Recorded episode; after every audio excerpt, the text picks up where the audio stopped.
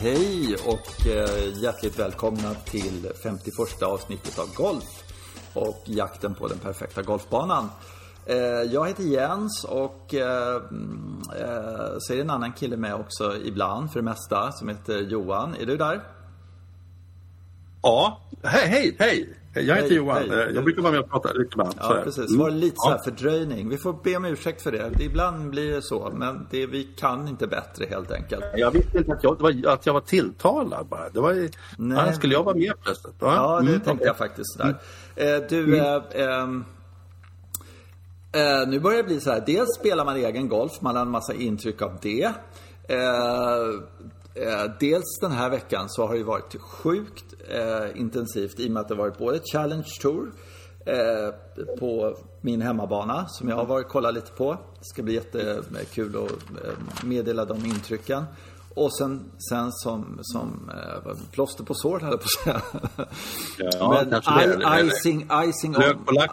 ja, precis. Icing on the cake som Stensson alltid ja. säger på slutet sådär. Ja, okay. Så var det PGA ja, Championship eh, eh, som, som Phil vann. Ja, och som man bara sjuder av intryck ifrån, tycker jag. Ja.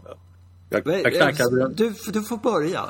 För en gångs skull får du börja. Du kan få börja och säga någonting om PGA Jag får börja? Ja, varsågod. Ja, ja. Mm, ja, alltså, det som, som brinner i mig framförallt är ju den här um, det, det är banan tycker jag. Det, det banrelaterade. Det finns många disk diskussioner och resonemang kring det här. Men Eh, en sån fantastiskt dramatisk upplevelse hela tiden när man tittar på det här. För ibland, man, det har vi sagt flera gånger, att man tittar på såna här sändningar så bara, ja, det är lite gäspvarning ibland. För att Mm. Ja, och han hamnade till vänster om green, höger om green eller mitt på green. Så Men så fick, de fixar ju alltid det där på något sätt. Liksom. De är lite i ruffen men de, de fixar ju alltid det där. Men här var det ju liksom, det här var ju hjärtat i halsgropen hela tiden. Mm.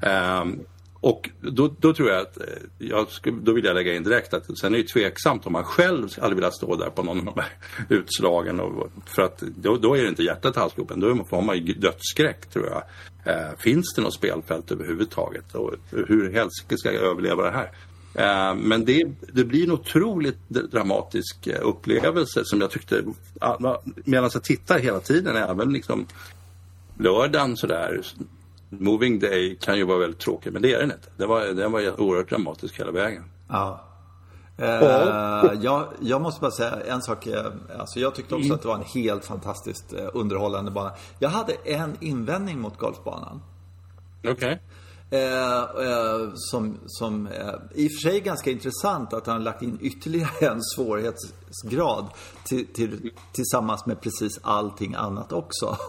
Som han lyckades med där, eh, Pete Eye. Men det att, ehm, eh, och jag tyckte det förtog lite av, alltså från 10,0 så blev det 9,8 eller någonting sånt där i betyg till Oj. banan. ja, men så. Eh, och det var att eh, från 10 så var det ganska många hål där, där det var blint helt enkelt. Eh, de såg inte landningsytan. Eh, eh, man såg inte hålet helt enkelt. Man såg en, liksom, en liten horisont, såg man något litet, litet, litet grönt där framme. Det är fairway.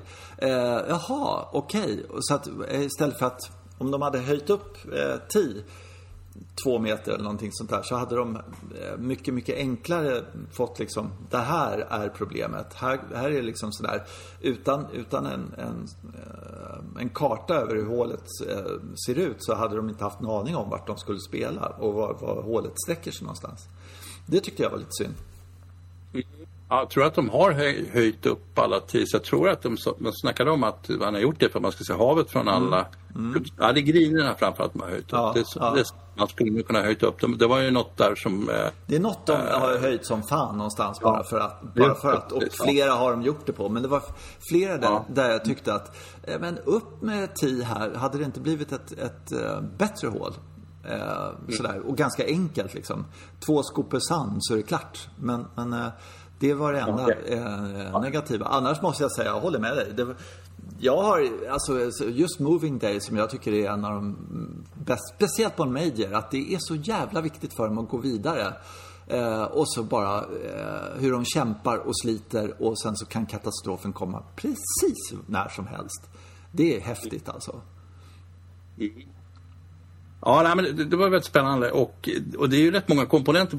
Det här som man är van vid brukar, det brukar ju vara otroligt seg och knepig ruff. Det, för det är ett sådant hinder som man brukar använda. Men det var ju inte, det behövdes ju inte på den här banan. Och så brukar det vara otroligt stenhårda griner och sådär. Men det behövdes inte riktigt heller utan det fanns så mycket annat. Och det, det var vinden och det var de här vattenhindren. Det var ju träsk mm. precis överallt. Här ska du slå över det här träsket i den där lilla biten där. Sen ska du över nästa träsk. Så här ja, jag vet inte riktigt hur man skulle ha känt inför det där. Jag, det hade varit skitläskigt att spela den där banan.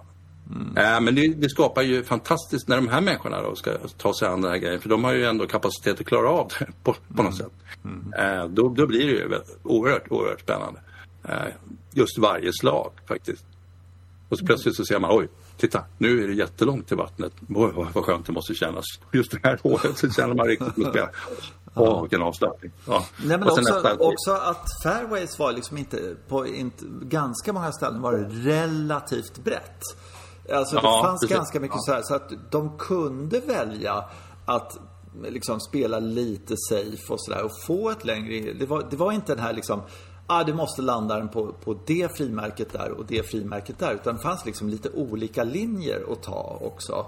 Men då hade du å andra sidan ett jätteproblem om du liksom safeade lite på första slaget. Då hade du ett jätteproblem på andra slaget och tog du liksom den där linjen då hade du möjlighet att komma lite nära och sådär. Så det var ju otroligt strategiskt och, och eh, häftigt Eh, hela tiden. Varje hål var som ja, jätteballt. Jag håller med dig. Och sen så kommer då en, en nästa aspekt in. Eh, på något sätt så ligger den ju tvärs eh, vinden. Mm. Så det, kan, det, blåser förmodligen för det mesta rätt mycket sidvind på den här banan. Och då tänker man så ja, det, kan, va, då blir det inget svårt. Men det visar sig att det var ju jättesvårt för dem. Mm. Eh, de verkar inte ha så himla mycket svår, svårigheter med motvind. För då är det bara sopar de till bollen lite hårdare. Men när vinden kommer från fel håll så uppstod en svårighet som inte jag insett riktigt tidigare. Inte jag heller. Nej. Just att de all, allihopa har börjat liksom skruva bollen från vänster till höger, fejdar. Exakt. Uh, ja, och att det, då blir det så knep, knepigt när vinden kommer och för, förstärker den rörelsen. För då kan, då kan det bli liksom otroligt, då skenar bollen iväg och så. Så det tyckte de var jättesvårt. Och så, kom, så är det Phil Mickelson plötsligt som också fejdar bollen, men han fejdar den åt andra hållet då, mm. eftersom han är vänsterspelare. Mm. Mm. Så, så uppstår de där effekterna. Alltså jag trodde faktiskt att de kunde, ja men nu måste man slå lite rå här så skulle de göra det. Men nej, nej de tappade bollarna. Liksom. Jag tror att om de skulle ha den här banan eh, varje vecka Eh, då skulle för det första alla vänsterspelare eh, spela väldigt, väldigt mycket bättre för det är lättare att fejda än att dråa. Eh, och eh, sen så skulle de här killarna säga, gå tillbaka till sina tillverkare och säga Hörni Titleist, det här går inte. Jag vinner inga tävlingar. Jag kan inte dråa längre. Eh, fixa det här åt mig. Liksom. Jag behöver en boll som jag kan skruva vänster. Eh, eller jag behöver en driver som jag kan skruva drå på. Liksom. Eh, men, men, vad är det för diskussion om att det plötsligt inte går att göra det med de här klubborna? Det, det fattade inte jag riktigt. Inte jag heller, men, men så är det ju uppenbarligen eftersom de är lite bättre än vad vi är. Eh, men, men det ja. jag tror att eh, eh, de får så lite spinn i bollarna. Eh, så att eh, du, det, det, går inte att slå, eh, alltså skruva den vänster helt enkelt för en högerspelare på samma sätt. Alltså några kan det ju. Ja. Patrick Reed kan det och då var ju han faktiskt ganska högt uppe också. Och sen så, ja, några sådär. Men, men det var ju övertydligt på jättemånga håll där man såg, här ska du slå en drå. Nej, den kom ja. aldrig. För att vinden kom från vänster och de kan slå lite drå men inte tillräckligt mycket spinn och längd. Eh, för att de ska ändå slå 300 meter och så vill de ha vänsterskruv på den. Men det klarar de inte av. Eh, ja. ja. men jag hörde, det var, eh, du vet, eh, vad heter den nu igen? Tionde hålet på Riviera, du vet där. Ja, just det. Ja. Eh, och då, då var det mm, någon pro-spelare som sa att eh, om då vi skulle ha tionde hålet på Riviera hela tiden så skulle utrustningen se helt annorlunda ut.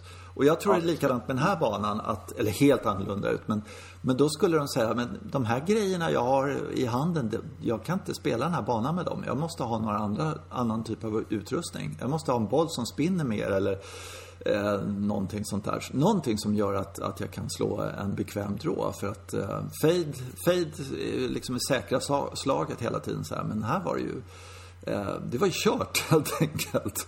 Ja, det var jättebesvärligt. För, mm. Och det intressanta är ju att det här pratar man ju om inför, inför Masters att ja, men bör ändå kunna slå, slå en drå. Men, men så, så, så ja, funkar det ändå där och de flesta veckor kommer de ju undan med sin fade ja. och kan hantera det på varje utslag. Men så plötsligt så, så är nu vart det svårt. Nu, ja. nu vart det knepigt.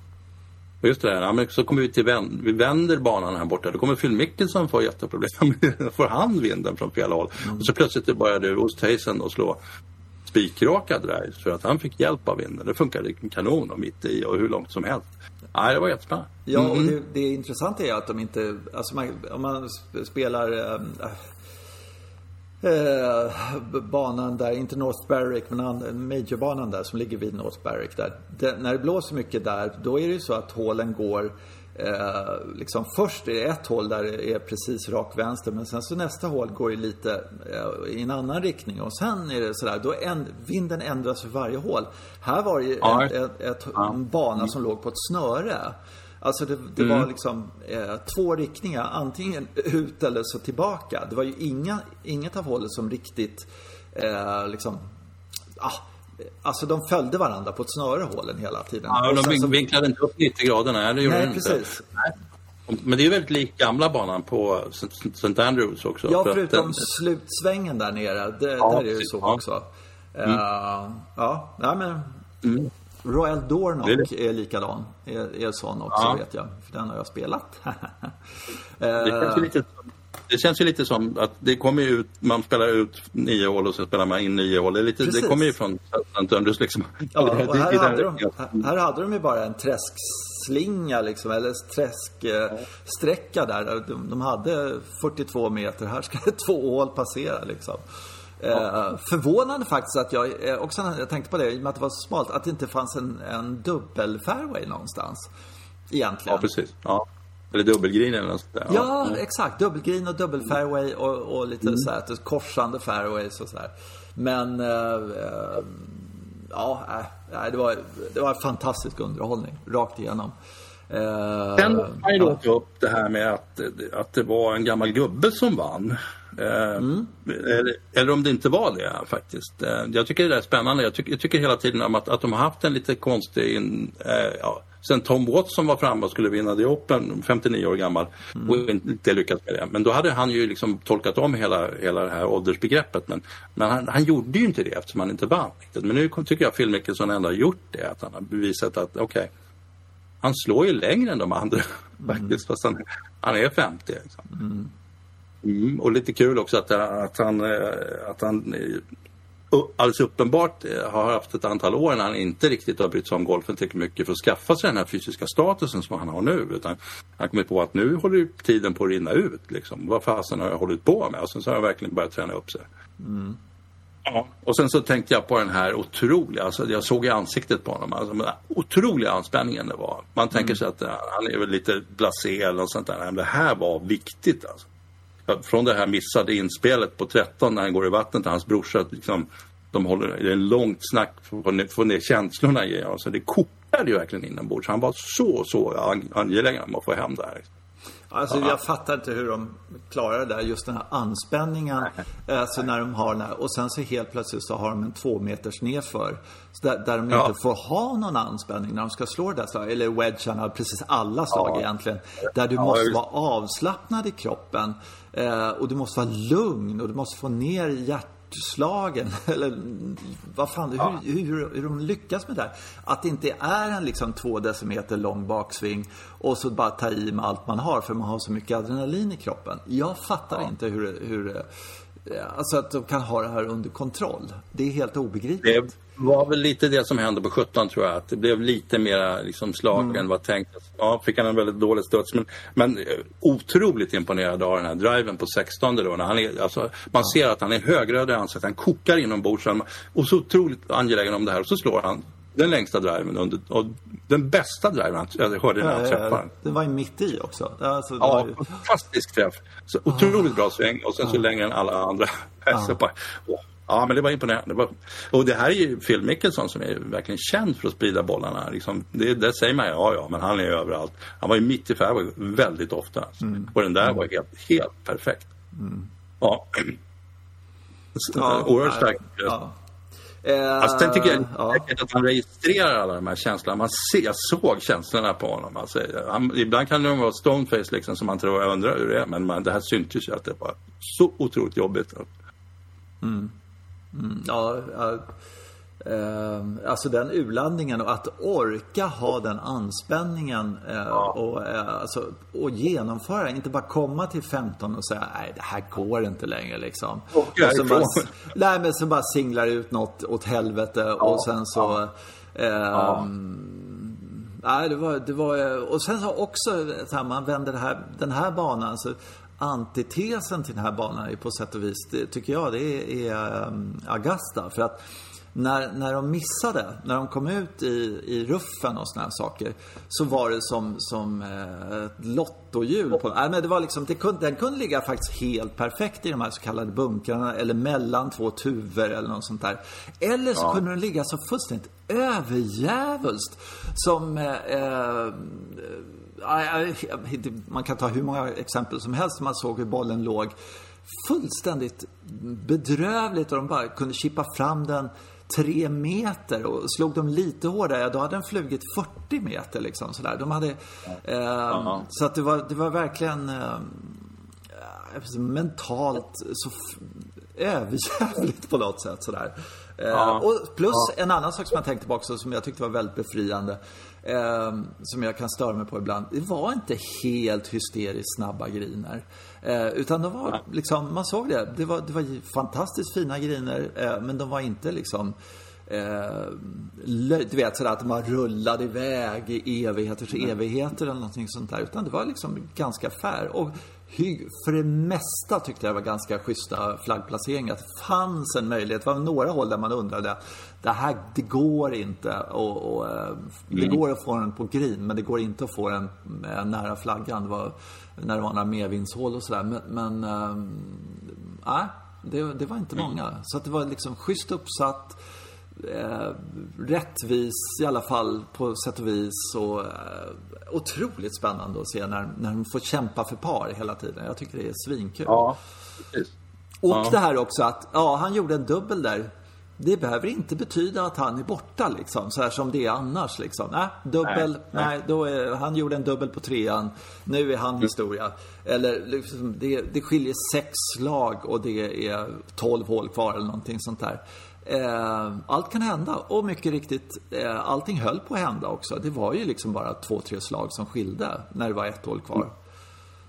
Ja, Eh. absolut. Men det, mm, det, gör, det gör det verkligen till, till eh, underhållning ända in, in, i, i målet. Liksom. Man Exakt. Tänker, ja, ja, Ja, ja, det är skitspännande. ja verkligen. Alltså, sen, sen hände en grej som jag skulle vilja ta upp som, som Mm. var lite en speciell grej som egentligen inte har med, med det hela att göra. Men det var på, på lördagen, på 13 tee, eh, ledarbollen där. Eh, och jag hade inte riktigt fattat att, eh, alltså jag, man har ju sett 13 i green, det är otroligt dramatiskt liksom.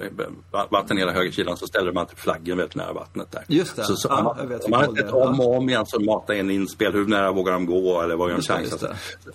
Så, så plötsligt så insåg man då när Phil Mickelson och, och Oosthuizen ska slå ut från, från, från tee där att där är det minst lika besvärligt. För båda då, eh, Oosthuizen tappar sin höger och Mickelson tappar också höger fast han, de, det var sin skruv. Liksom.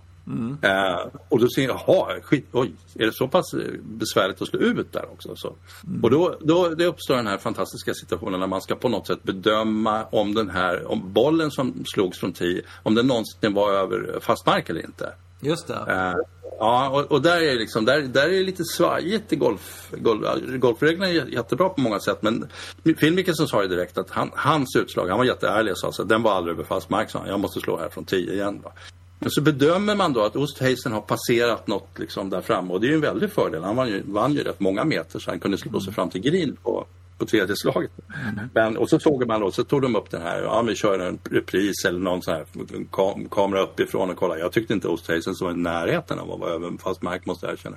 Så att, men det, då blev det den bedömningen då. Och där är det ju lite plötsligt lite, rättsosäkert. Liksom. Ja, det håller jag helt Eh, med om. Ja, Det där har jag ja. alltid också tyckt var... Eh, eh, ja, var ska den helt enkelt? Det Ja, det. och då Ja. bollen studsar ner i vattnet som man ser stänker. eller Den ska ligga där framme så man kan räkna ut att jaha, den måste ha skurit här. Och Men nu är det bara så att den har flugit förbi och sen så ser man, ja här var det liksom. Så att, det är jätteintressant.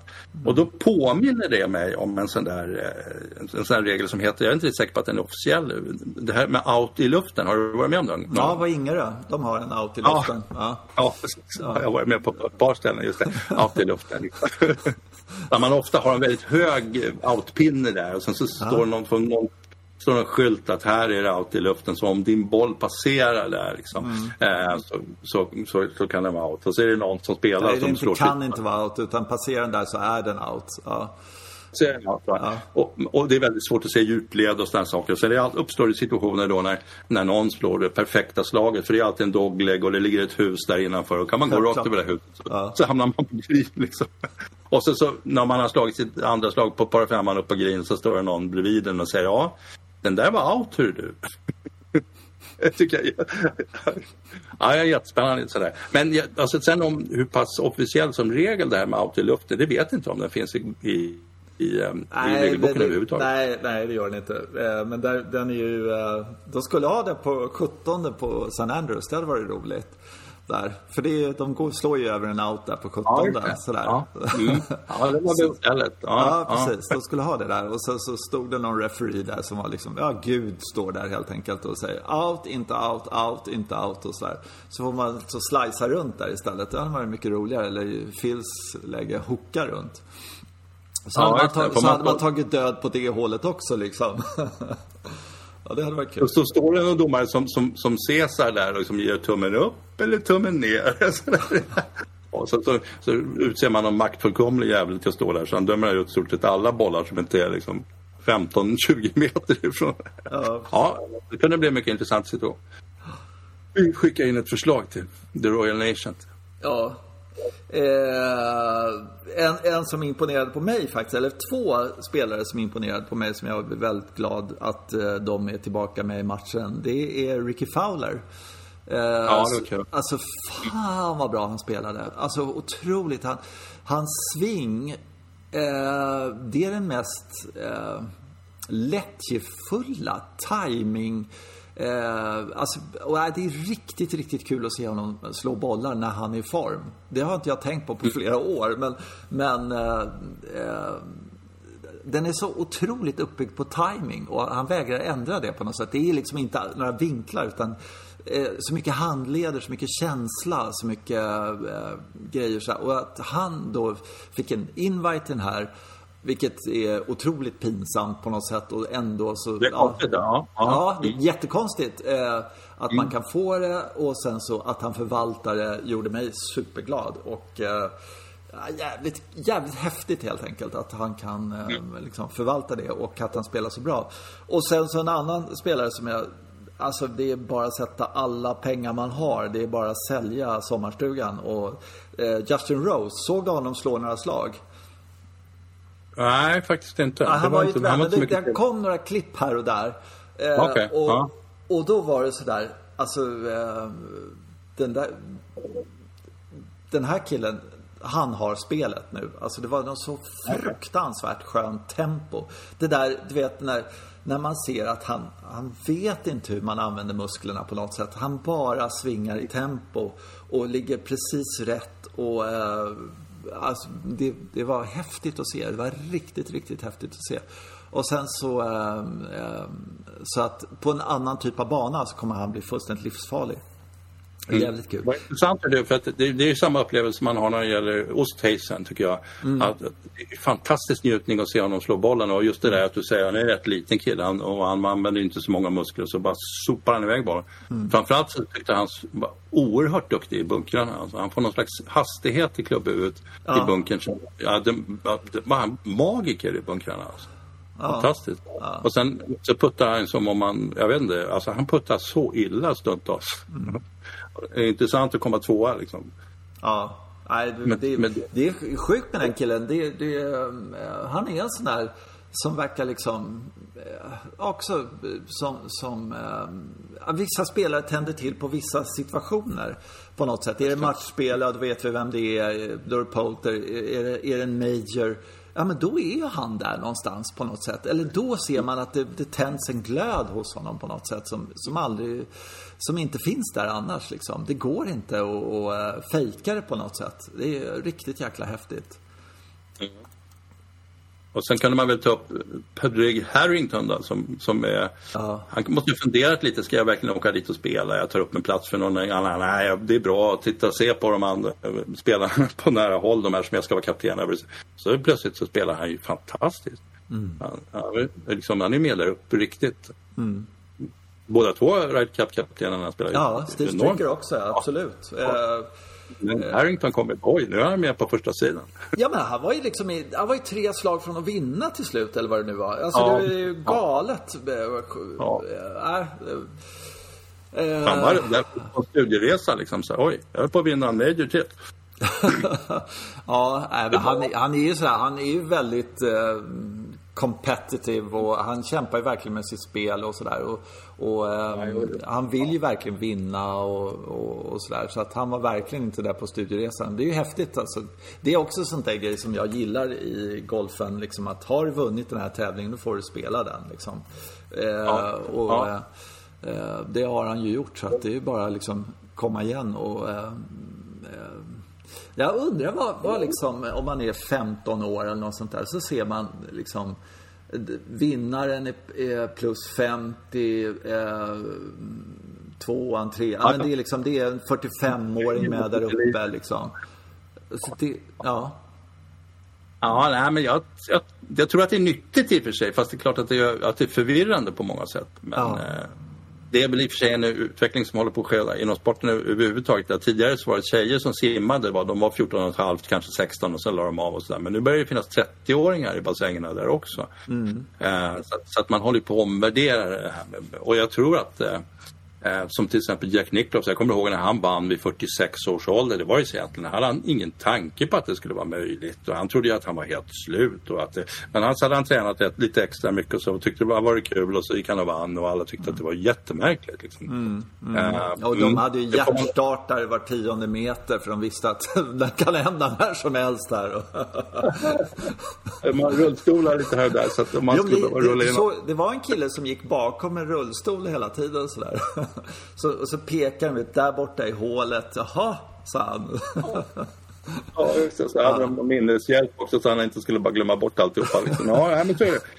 Det finns en annan syn på det här med åldern numera så att det, det blir mm. bra. Mm. Ja, jag, jag, antar att det är bra. Mm. Hur gammal är Steve Stricker förresten? Patrick Harrington är 49 men Stricker ja. är dålig koll på. Han har fyllt 50 va? Eh, jag tror inte det. Jag tror inte jag har sett honom på Aha. Senior Tour överhuvudtaget. Men det kan han ha gjort. Jag har... Eh, jag, jag, jag, vet faktiskt inte. Jag har alltid tyckt... Han är en sån här one-plane-spelare egentligen. Eh, lite Bryson fast i lite miniformat. Alltså det är väldigt lite handleder och eh, väldigt rent igenom. Fast han slår inte så hårt. Men han slår ju otroligt eh, rakt. Jag tycker folk pratar väldigt lite om hans sving. Jag har förvånats över det, att inte den är uppe till diskussion mycket oftare. Ja. ja. Och sen hans puttning då. En av de bästa puttarna jag sett någon gång. Ja. Man är livrädd. 20 meter. Man vet att den kommer stryka koppen. Liksom. Ja, ja. Jag vet inte om han är sån fortfarande, men han var ju absolut Han puttar så. precis likadant i alla fall. Jag, för jag är lite fan av honom mm. och, och, jag tycker att hans... Eh, han verkar vara en sån här genomsympatisk person på alla sätt och vis. Så att, uh, jag gillar honom som fan. Ja, men inget bra att de har någon som kapten tror jag. kapten. Nej, för lite... fan. Det är, han är alldeles för bra. Han är alldeles för bra ja, människa för det. Det här är inget bra. Sånt där. Nej, de skulle... Ja, skärpa sig Ja, mm. verkligen, verkligen. Mm. Eh, ja, Brooks då? Vad ska jag säga om honom? Jag har inte pratat om honom. Ja, Ja, men det var väl, eh, jag vet inte riktigt. De hade ju på något sätt över... Han, alltså kommentatorerna på TV tyckte jag att han, han, det har alltid varit så att i Majors när han väl får det här läget och vinna så visar han ingen som helst svaghet. Det gjorde han, eh, han ju nu. Det gjorde han nu, precis. Ja. Han var mänsklig. Men, men och det kanske man inte kan, eh, det kanske man måste få vara mänsklig. Liksom. Han hade precis som alla andra problem med vinden från fel håll på utslagen för han gillar bara att fejda och sådär. Så att, äh, äh, Nej, men jag tror inte. Och sen lite skador och grejer. Han kanske har liksom fått det där förstått att han inte är liksom Stålmannen helt och hållet och förstått att kroppen kan krångla och att det, han i en lite mellanperiod kommer komma tillbaka och vara sådär hopplös igen tror jag. Ja, jag tycker det är så jävla starkt av honom att eh, han, han haltar sig runt eh, på eh, Augusta. Jag tror inte han Mm. klarade kvalgränsen där. Eh, utan, och, han har, och det är inte så länge sedan. Och, och eh, Nej, nej. Mm. alltså innan dess hade han ju knappt rört, eller han hade inte rört klubborna i princip. Fruktansvärt ont i knät fortfarande. Och sen så ändå så är han liksom uppe eh, i toppen och kan vinna liksom för 50-50 gånger. Nej men liksom, det är helt otroligt tycker jag. Eh, Att han har eh, en sån eh, ja, är otroligt häftigt. Alltså att han, han eh, ja, är där uppe och slåss om det. Det måste jag säga. Eh, Men det fascinerande är ju hur illa omtyckt han är. Hörde du det Ja, på första tio? Alltså när, när, och sen så ska Phil Mickelson slå ut och alla bara ja! Phil Mickelson! Och sen så, ja, Brooks Koepka liksom. Three time, two time winner PGA och sådär.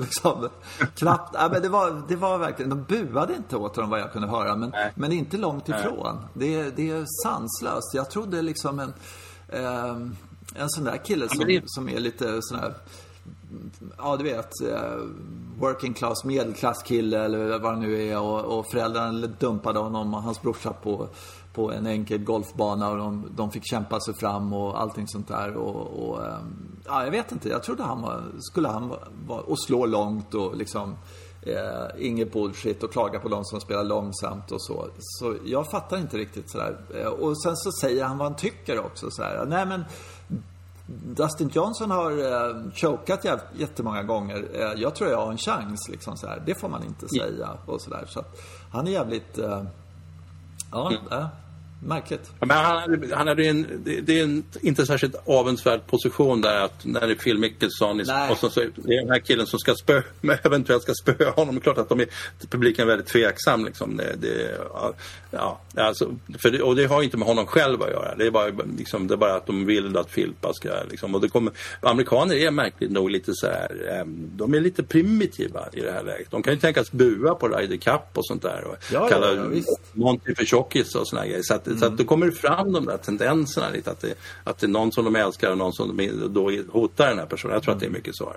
Jo, Sen så kommer han han... mötte eh, Dustin Johnson och de hade, eh, det var ju US Open och eh, jag menar, de, var- det var ju hård mobbing på honom där när de var i Bethpage Black tror jag det var. De, bara, de var helt hatiska mot honom och jag, jag tycker det är intressant att han väcker sådana negativa känslor. Det, det förvånar mig faktiskt måste jag säga. Men ja, ja. Ja, men han, ja, han kommer väl bli folkkär han också då, så småningom. Men, men det är sant, han är inte det just nu. Nej, verkligen inte. Nej, jag tyckte han en fantastisk prestation. Verkligen. Eh, Riktigt häftigt. Nej, jättekul. Jättekul. Och... Eh, eh, ja, nej, underhållning. Det är eh, majors. Ja. Är så kul när det liksom inte bara är ett gäng amerikaner utan det är någon sydafrikan, någon, från Korea och det är någon europé och liksom så här. Det är en jävla blandning och är en bra påminnelse. Eh, hur, hur internationell golfen är. Det kan bli lite slätstruket tycker jag när man tittar på PGA-touren. Ja, ja det är sant och någon som man aldrig har hört talas om eller liksom så här, som är med där uppe. Who, vem är det där? som- Vem sa du, du vet sådär. Eh, sånt är jävligt kul. Ja. Eh, ska vi lägga PGA, eller har du något mer sådär som du vill? Liksom? Vi, vi lägger åt sidan för tillfället. Jag tror att vi kommer komma tillbaks till den här upplevelsen. Och, ja, visst, ja, det där borde jag snackat om. Men, men så att, jag tycker vi går till äh, Österåker och din upplevelse av... äh, Ja, ja, ja. Ja. ja men jag tyckte det var... Eh, jag var där på, eh, eh, det var ju Challenge Tour. Eh, på, Mm. på Österberg Stensson. Jag var uppe och kollade. Man får inte kolla så mycket. Nej, Eh, men man fick inte gå runt på banan. Men man kunde i alla fall, eh, man kunde se inspel, man kunde se nian och så kunde man se 18. Eh, och så kunde man se utslaget på tian. Eh, och sen kunde man stå en bra bit bort och se lite på rangen. Och så kunde man stå där och så kunde man se när de puttränade. Det var väl ungefär det. Ehm, och eh, det som var eh, min eh, första liksom så här känsla som jag skrev upp som en liten punkt och sådär. Eh, när jag stod där och så såg jag dem stå på rangen och jag såg dem stå på putten green. Man stod där och tittade sådär. Nu är det kanske en pandemigrej, det vet inte jag. Men då märkte jag, eh, de var som små öar. Det var en spelare, en spelare, en spelare, en spelare som stod där och sen så stod de och eh, slog bollar. Eh, och de stod för sig själva. Eh, och sen så står de på putting green och de har varsitt hål. Och de står för sig själva. Eh, de, de, var så ensamma liksom på något sätt. Sådär. Det, var, det var ingen social kontakt. Det var inte någon som stod och snackade med någon annan. Liksom, sådär. Eh, och sen så när de kommer ut på banan så, så eh, eh, från tee kan jag inte säga någonting. Men, men om de stod och liksom tjabbade lite på, på tee innan de skulle slå ut eller någonting sånt där. Det är, där är de ju rätt nära varandra. Men sen så gick de där. De hade, fick ju inte ha caddies för det var en pandemigrej antar jag. Eh, mm. Så gick de med sina vagnar. Några bar faktiskt, vilket jag tyckte var rätt coolt. Eh, mm. Men så gick de där och det var inte så att när, någon, när de hade slagit då från liksom spelat in på nian till exempel och så skulle in mot green då, eller båda låg på green. Att de gick bredvid varandra och stod och snackade liksom sådär. Utan alla gick i sin egen lilla värld. Det, det var min, min slå. De såg så jävla ensamma ut. Det var min... Ja. min eh, och sen så efteråt när de då hade var klara på 18 så var det, ni vet den här... Eh, de tog av sig kepsen och så gav de varandra en sån här knytnäve liksom som man gör nu för tiden. Så där. Det var, eh, eh, och sen så gick de därifrån så gick de också för sig själva liksom på något sätt. Okay. Ja. Och det, min, min känsla var sådär att om du ska bli bra på golf då måste du ha roligt. Alltså du måste tycka att det här är kul någonstans. Alltså liksom, du måste vara lite mer Sergio. Det, det var min känsla sådär. Alla kan inte vara sån här lone range och, och liksom hålla på i sin egen lilla bubbla hela tiden sådär. Utan du måste liksom, var, men, men ha lite kul. Det, det var min känsla. Det, eh, faktiskt. Det kan ju vara avsaknaden av den där cadden som man normalt sett brukar snacka med. Men jag håller med dig. Det, det, det måste vara så att det, om man, speciellt om man ska fightas på Challenge Tour så, så, måste man ju ha något socialt utbyte. Det måste vara lite roligt också för det är ju inte så himla mycket pengar där antar jag att de delar ut. Utan det, här är ju bara hårt slit för att ta sig till toppen. Somliga ska tillbaka till toppen, andra ska dit första gången. Ja exakt och, och, eh, och säkert att... Eh, jag kollar lite på skoj nu, vet någon sån här spelare så säger vad har han tjänat in på eh, Marcel Sim? Ja, men han har tjänat in en hundra miljoner eller någonting sånt där. Det, det, går ingen nöd på honom då. Men det är ju några få. De här som är på väg mm. upp liksom, som, som man aldrig har talat om. Ja, de har ju inte tjänat några pengar överhuvudtaget. Som ändå dök upp på topp 10 liksom. De har kanske tjänat så här 70 000 kronor. Och, så här, liksom, och så har de någon sponsor någonstans i Italien eller Tyskland eller någonting sånt där som, som Eh, liksom finansiera eller rika föräldrar, vad vet jag sådär. Eh, nej men också sen när de åkte därifrån så såg man liksom, ja där sätter han, tar han sin bag, slänger in den i bilen. Eh, och han är själv i bilen och liksom, det såg ut som ett väldigt ensamt jobb att vara eh, golfspelare. Det var min spontana grej sådär. Eh, sen så en annan sak som slog mig också, det var liksom, det här är ändå liksom nivån under Europatouren. Europatouren för mig, det är liksom stort. Eh, och det här är liksom Challenge Tour, alltså det är division 1 i fotboll då, eller liksom sådär. Och då var det rätt många som hade jävligt slitna golfbaggar. ja men det såg sådär, den där, den måste vara liksom fem år gammal. Och liksom mm. inte det här att man, ibland, eller väldigt ofta så vill man, har man ingen aning om vad det är där för kille liksom sådär. Så tänker man, ja men det, han har väl någon, du vet att det står på bagen liksom sådär vad han har. Tourbag liksom sådär. Inte då. Det, det var um, riktigt sådär, ja, helt ologgade, helt utan namn. Allting sånt där. Och det är ju rätt fascinerande tycker jag på, på den här. För de spelar ju ändå om, ja, vad det nu var, rätt mycket pengar liksom. Sådär. Man tycker att det ja. borde finnas ja. någon som eh, kan ge dem en golfbag åtminstone. Nej, det, ja, det tycker man. Ja. Mm. Mm. Mm. Jag menar, eh, touren som sådan eh, skulle ju nästan ha det som krav eller liksom att ja men spelar du på Challenge Tour då ska ditt namn stå på golfbagen så att eh, publiken kan ja, snegla på golfbagen och se vad du heter. Liksom. Sådär. Som i fotboll har man nummer nio och så har man tävlingsprogram så kan man säga nummer nio, jaha han heter så och så liksom. Mm. Eh, så nu var det ett gäng väldigt anonyma människor som kom upp där på nian och på 18 sådär. Och eh, det var ytterst få som jag hade en aning om vad det var för lirare sådär. Det tyckte jag var eh, lite fascinerande faktiskt. Sen så tänkte jag så, ja, förlåt. Ja, det drar lite, lite väl långt det här med pandemin. Jag kan tänka mig att tillverkare och sådär tycker att ja, men de kommer inte få någon exponering i alla fall. Så att men, men det är ändå lite sådär, om du, som du då åker ut och tittar så ser man den här killen, han har en Titleist bag men den är otroligt sliten. Då, vad får man för tankar om Titleist då? Ja, det var inte ens Titleist, alltså, det var helt anonyma baggar. Det stod ja. inte Titleist på ja, dem. Nej, det, det var sån här var han hittade den där jävla bagen liksom? På, på, ja, okay. på Röda Korset? Jag eller själv. Ja. ja, jag har gjort det själv i slöjden liksom. ja, men det var lite sådär att man, man, ja. man ja, jag fascinerades över det måste jag erkänna. Ehm, mm. och sen så tyckte jag att det var sådär... Eh, eh, jag försökte liksom på något sätt se eh, på de här spelarna som kommer in sådär. Vad är det som gör att inte de spelar på nivån över? Eller jag lekte med mig själv och sådär. Och då kunde man kunde ju se någon tjomme som liksom eh, drog i vattnet på 18 och då kan man gå i vattnet och så därifrån så kan man då, om man slår en jävla pärla så kan man liksom komma upp då i grinområdet. Och då såg jag någon kille som Först drog han i vattnet och så, så, därifrån så slog han i vattnet och sen så eh, duffade ner den i, i bunken liksom och sen så upp och så två puttar liksom för en sjua och sådär. Man såg några sådana spelare men inte många. Eh, de flesta så tänkte bara så här, fan vilken bra drive. Och jävla andra slag liksom. Eh, och eh, någon, någon, som spelade liksom lite safe och slog ett helt fantastiskt närspelslag och liksom, ja, birdien, du vet sådär. Eh, mm. Det enda jag kunde se där jag kände att det där är eh, rent generellt om man tittar över de 20-30 spelare som jag såg som, som kom in där. Eh, där jag förvånades över deras eh, eh, hur dåliga de var. Nej, men sådär, så jag, jag bara, det här är bara jag. Det är kanske helt fel.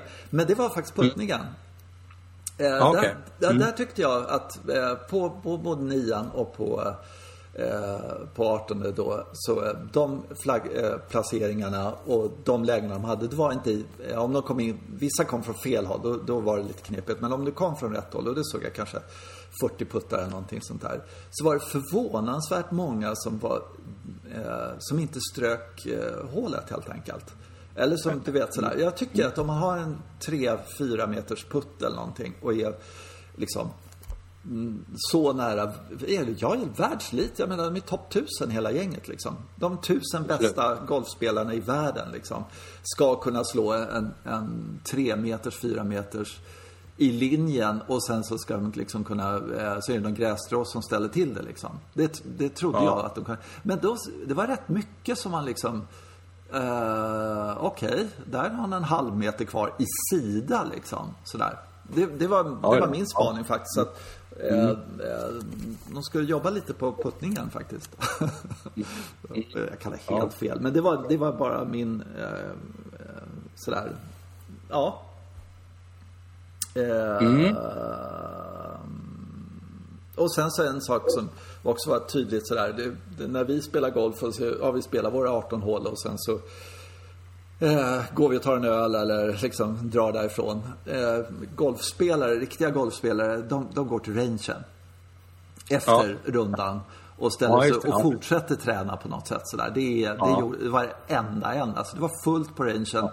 Eh, när, när liksom, ja, nu har sista spelaren gått ut. Nu, ska liksom, nu är det ingen som är på rangen för att liksom värma upp. Utan, och sen så ehm, eh, ser man, då är det helt fullt på rangen. Alltså det är, okay. de, eh, och de står och slår och slår och slår och slår och det är fullt på putting green och liksom sådär. Så att eh, det där med att man är liksom klar med golfen efter 18 hål, det är inte riktigt så eh, på, på den nivån faktiskt.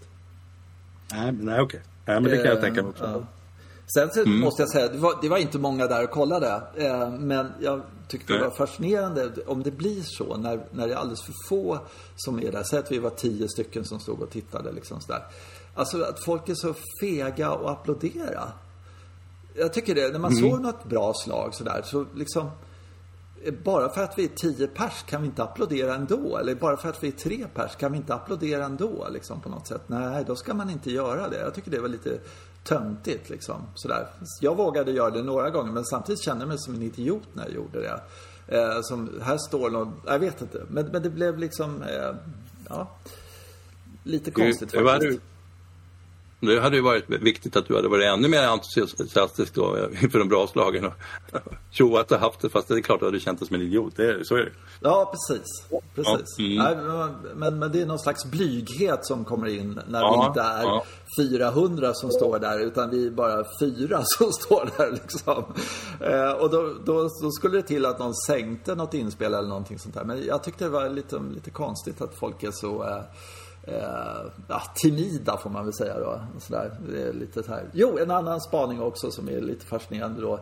Eh, fascinerande är det ju verkligen inte men eh, det var hur noga de krattade bunkrar. Det har inte, alltså man, de hade inga caddies, det var ju spelaren själva som krattade. Och jävlar vad de höll på med bunkrarna på ett helt annat sätt än, än eh, du och jag krattar. Då är det liksom så good enough liksom sådär. Nu har jag krattat den sådär. Jag ska inte säga så här, men det här var ett jävla petande med, liksom, det skulle verkligen bli perfekt efter. Ja, okay. eh, ja. Och inga spår och sådär. De höll på och sådär. Så. Och det, det, det var en fin eh, liksom, eh, kultur de hade, grabbarna. Så här. Sen kunde de ju applådera varandra.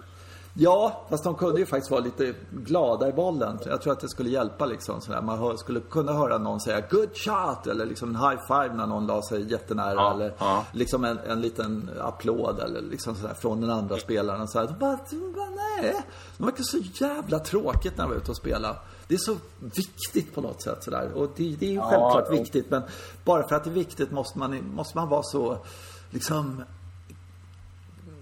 kutryggad, eller vad ska jag säga? Sådär, det, ja. ja, jag håller med. Ja.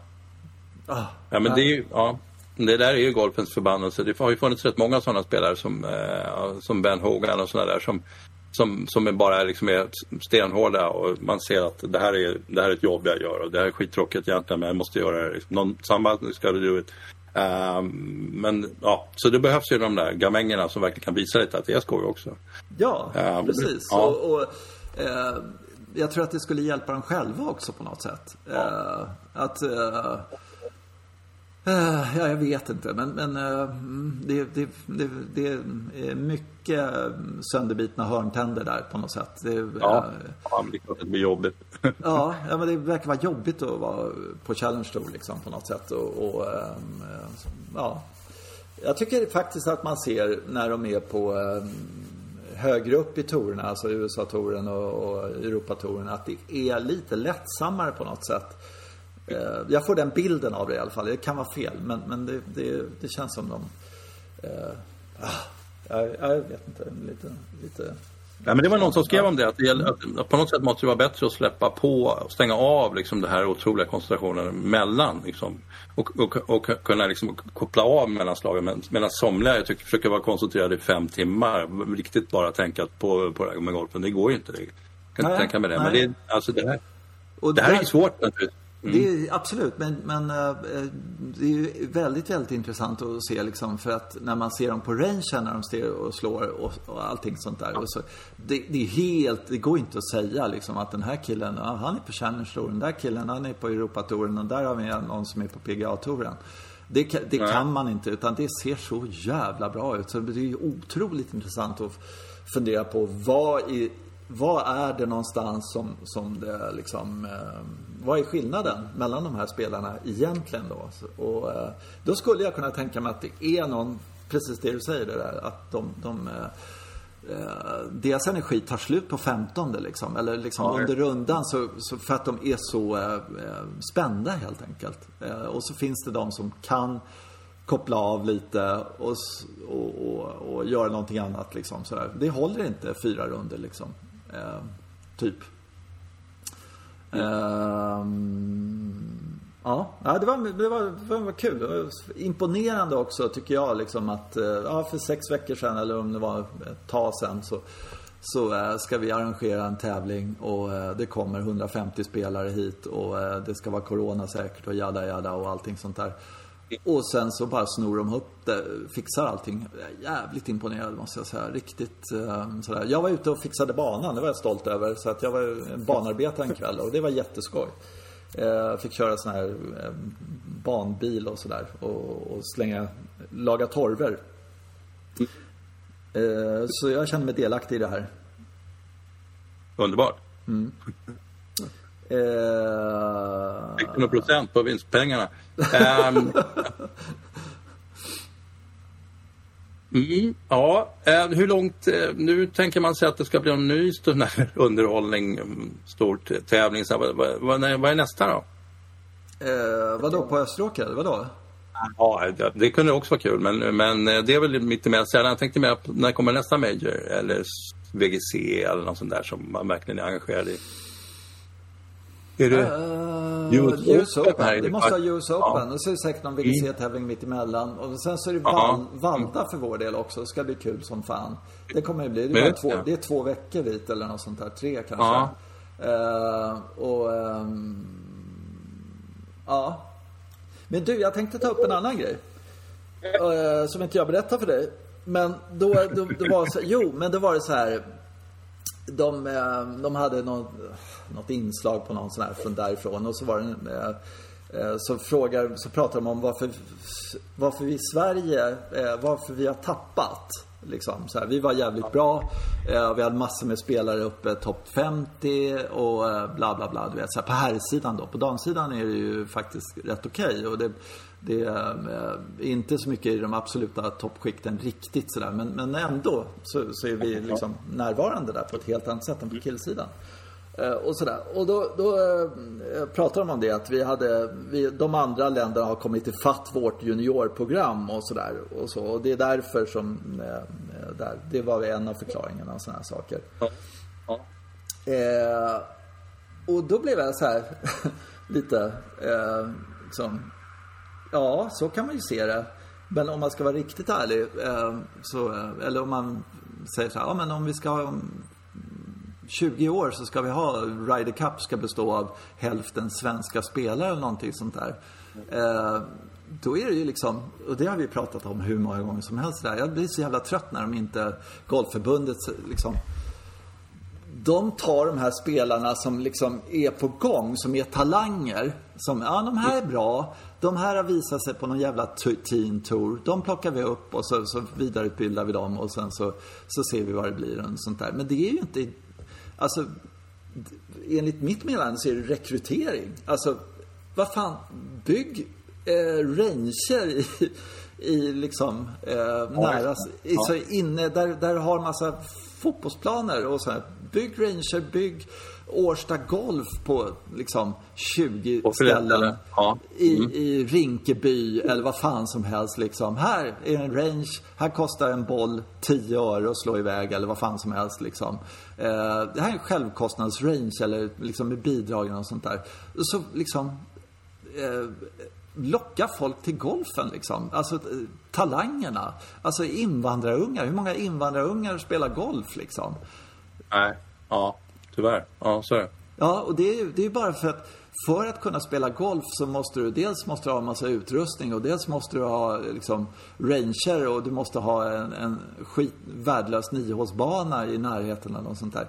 Det är ju rekryteringen som är, är, är åt helvete helt enkelt. Och det ser man ju liksom på alla de här juniorerna som, som man ser är lite bra. Ja, eh, vem är det som skjutsar? Jo, men det är, det är mamma eller pappa som skjutsar till golfbanan för att de jobbar hemma. Alltså, de, det, det, är ju, det, är ju he, det är ju hela grejen liksom. Ska, eh, det är jättemånga som spelar golf i Sverige men det är ju bara en massa tanter och farbröder som spelar golf och så några liksom barnbarn som har lockas hit. Det är klart som fan att vi inte får eh, massa svinbra spelare om vi inte kan rekrytera talanger, bolltalanger och fysiska talanger. Eh, Ja, och, och de med huvudet framför allt. För det är de som saknas just nu, tror jag. De, de som vill tillräckligt mycket för att hålla på sådär som Annika gjorde eller vem som Exakt, helst. exakt. Björn Borg som, ja. Ja. Mm. ja. Och som kan tänka sig att träna 12 timmar om dagen för det här är enda chansen. Liksom. Ja. Eh, och, Eh, alltså, jag blir så jävla trött när de liksom inte går tillbaka till roten till det här. Att då, ska vi hitta, då måste vi hitta de bästa talangerna från början. Och de bästa talangerna, de har inte råd att spela golf på det sättet som golf är idag. För att de har inte, de har inte ens busskort liksom. Eh, ja, så att eh, du måste kunna gå till din range och du måste gå till din eh, niohåls pitch and putt-bana. Det måste vara någon slags demokratisk grej. Eh, och där kan du liksom se att, oh shit, här är en kille som slår 350 meter eller en tjej som slår 290 liksom. Och som, mm. som gör det liksom dygnet runt och som verkligen har motivation.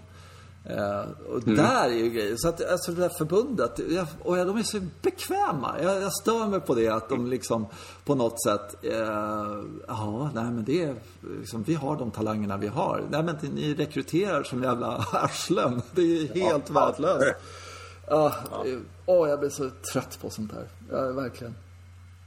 Ja. Ja. ja. Nej, det, det, bara, det är väl Ja, men det är väl jättebra grej att sätta punkt med då. Eller hur? För dagen. Ja, men, jaha, vadå då? Ska vi inte köra ett fyra timmars idag? Du är så tråkig.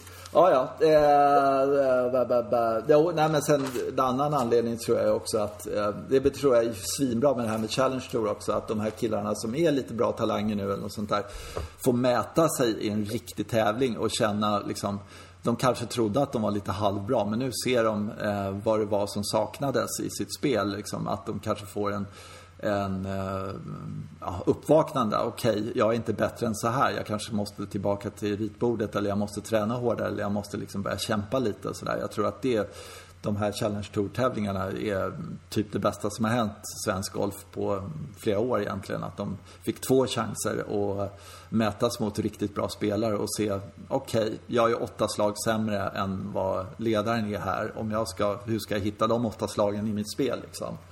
Det tror jag mm. var riktigt jävla bra faktiskt, måste jag säga. Förmodligen på ja, allting man, hur man gör det ena och det andra och hur liksom, ja, just det, vad professionell de är och inte, inte liksom en tre meters putt, precis som du säger, den ska vara på, på väg att gå i. Liksom inte, man kan inte missa en halv meter till höger. Utan det, det, brukar vara på den, på den nivån att man, att man gör för mycket juniormisstag helt enkelt som man måste skära bort för att få det att funka. Mm. Man har inte råd med allt det där när man ska komma upp en nivå till.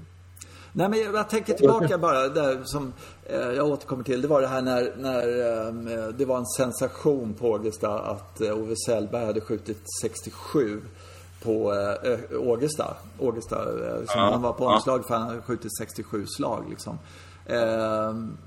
Eh, och det var, det var helt fantastiskt. Jag tror att det är likadant nu. att eh, de här killarna som ska bli någonting, de, de, jag tror de är lite halvnöjda när de går runt eh, eh Österberg Stensson från Stensson tid på par liksom. Så, mm, ja, det var inte så liksom sådär. Det duger inte. Du ska liksom på en träningsrunda om du liksom går ut och skärper dig lite och det inte är något på spel så måste du liksom skjuta 66 för att ha mm. någon, alltså du måste vara där för att eh, sen så ja. när anspänningen kommer på och sådana här saker så kanske det är 69 då eller någonting. Alltså du, du måste ha högre krav på det liksom.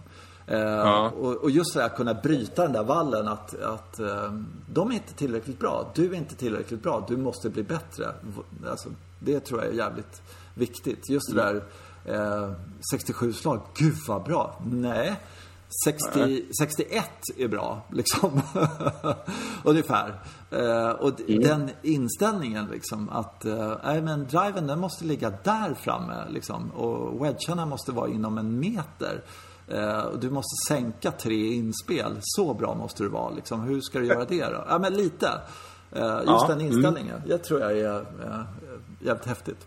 Så det är jävligt bra, tror jag. Det var lite uppvaknande, tror jag, för många. Antar jag mm. i alla fall. Ja, men det brukar vara det när man hamnar på nivå när man inte är bekväm så ha. De är inte egentligen bättre. De bara skär, de bara skär bort de dumheterna som man har, man, man har varit för slö för att göra sig av med. Ja, precis. Men, men, man har inte de förväntningarna på sig och inte på sig själv. Att, nej. Eh, nej. Men det duger inte att göra en bogey på det här hålet. Det, det, ingen nej. gör det. Utan du ska kunna kontrollera det här slaget eh, liksom 100 gånger av 100. Sådär. Skulle jag tro. Jag vet inte. Men, men det är min spaning i alla fall. Eh, eh, eh, ska du... Jo, jag har ett, ett eh, tekniktips. Får jag avsluta med det? Ja, det kan vi göra. Mm. Ja, tack. jo, nej, men det, det, är så. Eh, jag har haft en sån här grej som jag alltid har tyckt så här. När man står på rangen och man står liksom allting inom träning så har jag tyckt att det, det har gett någonting. Man står och slår drivar, slår järnklubbor. Man slår i bunkern så upplever man att om man slår i bunkern mycket så lär man sig någonting och så vidare och så Ja. vidare. Genom Ja. hela spelet så här. Så finns det ett ställe där jag, jag fattar inte vad jag gör där. Eh, och det är på putting green. Jag har stått på putting green och puttat och puttat och puttat och jag liksom, ja. Här, jag, jag märker ingenting. Jag, jag får ingen liksom sådär aha, aha-känsla. Så här. Tills häromdagen så upptäckte jag en så jävla bra övning som liksom, okej. Så dåligt puttar jag. Sådär. Och då var det så här, och det har säkert stått i massa tidningar, men jag måste bara ta fram det så. Eh, man lägger två bollar precis bredvid varandra, precis jämnt, och så tar man putten bakom och sen slår man de där två bollarna samtidigt. Är du med? Förstår du hur man gör? Ja. Mm. Ja. ja. Ja. Mm. Otroligt bra återkoppling. För då helt plötsligt så ser jag att, okej, den bollen som är närmast mig, den sticker iväg mycket tidigare än den som är Ja, okej. långt, långt ifrån. Alltså att jag har eh, putten öppen i träffen. Jaha. Ja, ja, jag förstår. Jag tror jag Prova för det där att... ska du säga. Okej. Eh, Så kommer ja. du se liksom att, eh, okej, det kanske är så att det inte det är ditt problem utan ja, ja, men då går vi vidare och hittar på någon ny övning som är bra för dig då. Eller något sånt där. Men för mig så var det en sån här, ah, fan vad irriterande. Och så liksom, nej, och så, där, jag kunde stå, jag har stått säkert en halvtimme och nött träffa två bollar samtidigt. Lägga den precis bredvid klubbladet, precis bakom, alltså med 4 mm. Se att den ligger exakt dikt, liksom rakt mot 90 grader så att säga, vad man ska säga, eller noll. Och sen pang, så fan den närmsta bollen går iväg. Och sen, ja men, liksom, verkligen Ja, jobba vad på att, intressant. ja, ja, det Ja. var som bra återkoppling. Vi sa någon verkligen. gång så här när vi hade den där, vår mest populära avsnitt, Slå långt och rakt, 1 och 2. Så var det liksom, feel is not real. Att det så här, men här var det Ja, så tydligt. Och så här, så man, ja det här känns bra. Det här kör vi. liksom. Helt Ja. värdelöst. Eh, men, men här var en sån tydlig återkoppling som jag inte kan komma undan liksom. Utan, eh, ja det kändes bra men varför träffar jag inte hål? Det känns ju bra. Det är helt enkelt för att eh, klubbladet är inte square när jag ställer upp och slår iväg bollen. Ja, ja. Och så det har jag fått nö- nöta på. Och det känns jättebra att kunna nöta på någonting som verkligen känner att jag får en återkoppling direkt. Sådär. Be- bevislig åter- Mm. återkoppling.